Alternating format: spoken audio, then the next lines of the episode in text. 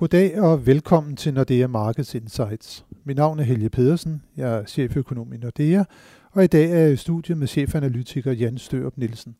Velkommen, Jan. Tak.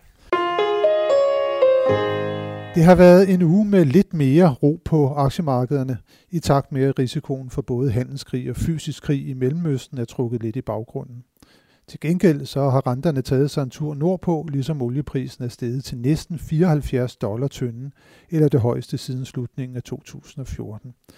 Og hvis vi lige starter med renterne, Jan, hvad er det egentlig, der har fået dem til at stige så meget, som tilfældet har været det hen over ugen? Jamen det er jo også, som du selv nævner, det her med, at der er kommet lidt mere ro på. Man er måske øh, blevet lidt mindre bange for global handelskrig, der er også opblødning, USA og Nordkorea. Så man er måske blevet lidt mindre bange for fremtiden generelt. Øh, og der må vi jo bare sige, at man, altså, hvis man ikke er helt så, så bange for fremtiden, jamen så er det jo, altså så begynder man måske at sælge ud af nogle af sine obligationer, øh, og så går over i noget mere risikofyldt, og derfor, derfor stiger renterne lidt. Og så er der jo heller ingen tvivl om, at den oliepris, vi er, det hop, vi har set i olieprisen, altså det er jo noget, som, som skaber noget mere inflation, måske i sidste ende kan gøre nogle centralbanker lidt mere aggressive på renten, så det er også med til det at, at presse renterne op.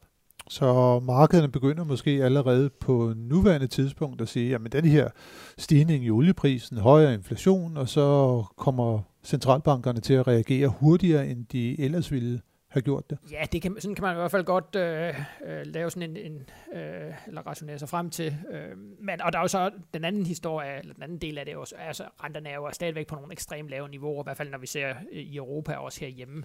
Altså de renteniveauer, vi har, der skal ikke ret meget til at flytte dem op af, så man kan sige, man skal virkelig se negativt på fremtiden, hvis man skal kunne forsvare og holde rent, navnet de lange renter så, så langt nede, som de er lige nu. Så der skal ikke ret meget til at rykke, rykke renterne op af, præcis som vi har set i, i løbet af ugen. Men man kan jo også sige, at når renten den er så lav som tilfældet er det, og, og, og aktiekurserne de har steget så meget, øh, som de har gjort over de seneste, øh, ja faktisk mange år, så bare renten den stiger lidt, kan det jo også betyde ret meget for den prisfastsættelse, som investorerne egentlig vil have på, på aktiemarkedet. Jamen helt sikkert, og vi skal jo ikke være blind for, altså vi har virkelig, altså som investor har man jo virkelig fået poser og sæk i en lang periode. Øh, det her med, jamen renterne er faldet, aktierne er steget, og der kunne vi måske på et tidspunkt komme ind i den modsatte verden, at, øh, at aktierne vil komme under pres, øh, renterne vil stige. Øh, og vi kan jo også se med det samme, altså lige så snart at renterne begynder at sådan for alvor bevæge sig opad, det så vi jo der øh, fra slutningen af sidste år frem til, til midten af februar, jamen så, be, så begyndte det også at gøre ondt på aktiemarkederne. Øh, så der er helt sikkert nogle dynamikker mellem de her to, som, øh, ja, som også kommer til at være i fremtiden. Ja, som man øh, skal holde lidt, lidt, lidt nøje øje med. Nu nævnte du jo det her med, at geopolitikken den er, den er trukket lidt i baggrunden for tiden, og det vil sige, at investorerne kigger måske endnu mere på de økonomiske nøgletal og de begivenheder, som der, der er på de finansielle markeder. Hvis det er, at vi kigger lidt fremad på den næste uge, så må vi jo sige, at det bliver en af de, de rigtig spændende uger. Øh, der får vi jo blandt andet på torsdag et, øh, et, et møde i den europæiske centralbank, øh, hvor et styrelsesråd træder sammen for at skulle beslutte sig for, om man skal gøre noget ved renterne, eller hvad man skal melde ud til, til markederne. Hvad, øh, hvad skal vi egentlig sådan øh, lægge, lægge mærke til der? Ja, men det eneste, der i hvert fald er helt sikkert, det er, at de kommer ikke til at ændre på renten. Øhm, og derfor er det jo så, man skal ind og prøve at høre på, jamen, hvordan er deres retorik. Og hvis vi kigger på i forhold til, til sidste gang, de var sammen, jamen så har så har tingene udviklet sig måske lidt svagere, end de havde regnet med. Vi har set, at erhvervstilliden er kommet lidt ned. Vi har set, at inflationstallene var heller ikke helt så høje, som de måske havde håbet på. Og så har vi haft al den her uro på de finansielle markeder. Så vores forventning er sådan set, at de vil være en smule... Øh, jeg ved man skal sige mindre optimistisk, men i hvert fald sådan en, en smule mere afventende. Og det er også derfor, de kommer ikke til at ændre på renten, de kommer heller ikke til at ændre på, på opkøbsprogrammet, øh, tror vi. Der skal vi, der skal vi nogle måneder længere frem. Og vi regner faktisk med i forhold til de finansielle markeder, at, at man ligesom vil, vil tolke det her duagtigt, så man måske vil presse renterne lidt ned, fordi at de ikke er så aggressive, som, øh, som de måske tidligere har været. Det er jo sådan set meget sjovt, ikke? fordi det er jo ikke mere end et par uger siden, at den østrigske nationalbankdirektør, som jo også sidder med, Novotny, han var ude og sige, at øh, man skulle nok snarere sætte renterne op mm. tidligere end senere, men han er vist blevet banket godt og grundigt på plads sidenhen. Ja, han fik, øh, han fik på en pæn måde at vide, at øh, det var i hvert fald ikke et udtryk for sådan den generelle holdning i ECB, de, de udmeldinger, han var, han var kommet frem i pressen med. Men det viser jo også, at der er jo stor uenighed. Altså, og det er jo klart, når der er så store økonomiske forskelle i Europa, øhm, Tyskland, Østrig, nogle af de nordeuropæiske lande, jamen der, der vil et, et naturligt renteniveau jo ligge meget højere, end, øh, end det gør lige nu. Altså der kan man sige, at de vil måske gøre, ligesom man gør i USA, hvorimod de sydeuropæiske lande, jamen de vil jo allerhelst have, at, at renten forbliver lav øh, ekstremt lang tid nu, fordi de har brug for, brug for det til ligesom at, at skabe noget vækst. Ja, så der er godt nok nogle, øh, nogle udfordringer for den europæiske centralbank for tiden i, hvordan man lige præcis passer, øh, øh, tilpasser øh, pengepolitikken til de forskellige konjunkturer, der er rundt omkring i, i landene i euroområdet. Øh, men det er på torsdag, at øh, ECB mødes, men øh, vi har jo også den, den selv samme dag har vi jo også et interessant møde lige over på den anden side af sundet i, i Sverige, hvor Riksbanken jo også øh, skal mødes for at træffe en beslutning om, om renten og øh, det er vel det samme øh, der. Der er vel også lidt problemer for tiden. Jamen, det er der helt sikkert. Øh, og det er jo sådan lidt paradoxalt, at, at, at Rigsbanken mødes på selv samme dag som den europæiske centralbank. Rigsbanken følger jo også rigtig tæt, hvad, hvad de gør i den europæiske centralbank. Men de er, de har altså fået lov at, at komme først med deres beslutninger, så kan de så afvente øh, den europæiske centralbank senere på dagen. Øh, men der er ingen tvivl om, når vi kigger på Sverige, altså den kraftige øh, svækkelse af den svenske krone, vi har set, øh, den har overrasket Rigsbanken. Øh, altså, hvis vi bare kigger tilbage til det, de regnede med i februar, jamen, så øh, er den svenske krone 6% svagere, end de havde regnet med. Øh, og det er klart, det, det, det gør noget. Øh, men vi tror alligevel, at de vælger at sige, jamen, tidligere har de signaleret, at de sådan vil sætte renten op i efteråret. Der, der vil de formentlig skubbe det længere ud i fremtiden. Øh, fordi, og det er jo deres grundlæggende problem, de kan simpelthen ikke få den inflation, som, som de gerne vil have.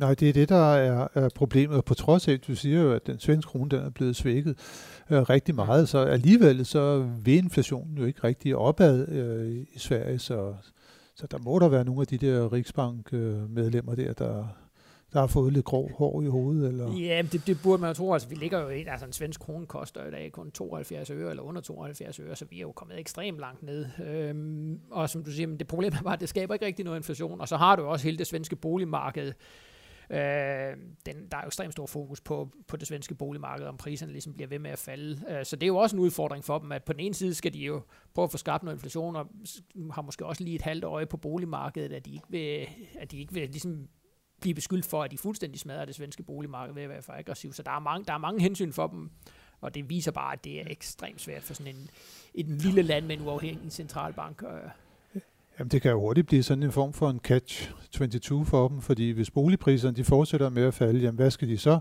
mm. øh, blive ved med at føre den her meget lemtige pengepolitik for at undgå et totalt kollaps, eller når inflationen den kommer, skal de så begynde at sætte renten op, og så på den måde så også risikere, at øh, de kommer til at, at gøre situationen på boligmarkedet endnu sværere. Jamen helt sikkert, og man, man, man, man må også bare sige, at et eller andet sted er det jo lidt, lidt selvforskyldt, altså fordi man kan i hvert fald godt argumentere for, at de burde jo have, have ført noget mere stramme pengepolitik i en, i en længere periode. Så havde de måske også været med til at bremse de kraftige prisstigninger, man har set på, på det svenske boligmarked.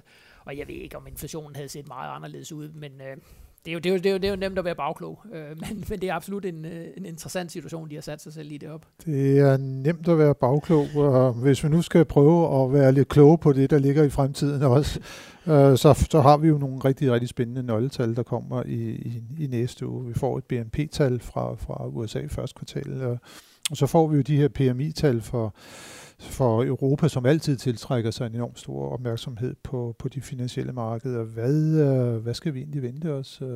Jamen, jeg tror, vi vil se, at, øh, at de her de her såkaldte bløde indikatorer, erhvervstillid, forbrugertillid. Jeg tror, at de begynder sådan at... Her snakker vi så PMI'erne. Her, ja, her snakker vi PMI'erne. Jeg tror, at vi vil begynde at se, at de, øh, de vil trække de vil trække lidt tilbage. Man kan sige, de, har også på no, de er også allerede på nogle meget høje niveauer, så det vil ikke være nogen katastrofe, hvis de, øh, hvis de trækker lidt tilbage. De er, jo, de er jo allerede øh, faldet lidt. Ja, men helt sikkert, og jeg tror faktisk, måneder, ja. at vi tror, det vil fortsætte, fordi at virksomheden er en, en smule mere usikker på, på al den her globale uro, bryder sig jo heller ikke om den uro, der er på de finansielle markeder, så måske bliver sådan lidt mindre, lidt mindre optimistisk på, på deres egen fremtid. Øhm, og det er jo også noget af det, som vi tror også... Øh, kan, kan i hvert fald midlertidigt være med til at svække euroen, at vi kommer til at se lidt svagere øh, tillidstal ud af, ud af euroområdet. Så i hvert fald en periode vil vi få en lidt svækket euro. Så tror vi så, at den vil blive styrket igen senere, men, men sådan på helt kort sigt.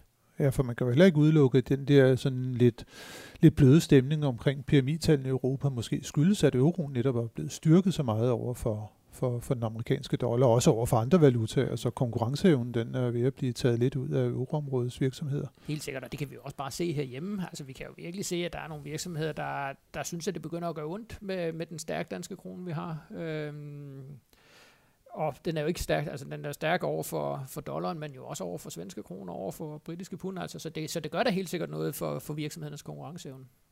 Ja, det skal i hvert fald blive spændende at se, og vi kan måske også lige runde omkring øh, de her BNP-tal fra, fra USA, at uh, det er, har i hvert fald været sådan over uh, de seneste mange år, at første kvartal, det har det er kommet ud sådan relativt svagt. Uh, der er ligesom om, at hele den der sæsonkorrektion uh, af nationalregnskabstallene, den, den er blevet udfordret lidt også i USA, så, så vi skal vel ikke vente det helt store, men til gengæld så er der underliggende rigtig stærk momentum i amerikansk økonomi, og vi får vi væksten øh, rigtig højt op i år. Jamen det gør vi. Øh, man kan sige, de, de trækker jo også på alle cylindre, øh, og arbejdsmarkedet er jo bumstærkt derovre. Og det er jo også derfor, at den amerikanske centralbank, jamen de er meget klare i mailet om, at de kommer altså til at sætte renten op, øh, og det er mere et spørgsmål om, hvor aggressivt de skal være med deres rentestigninger, end, end om, altså om de skal gøre det.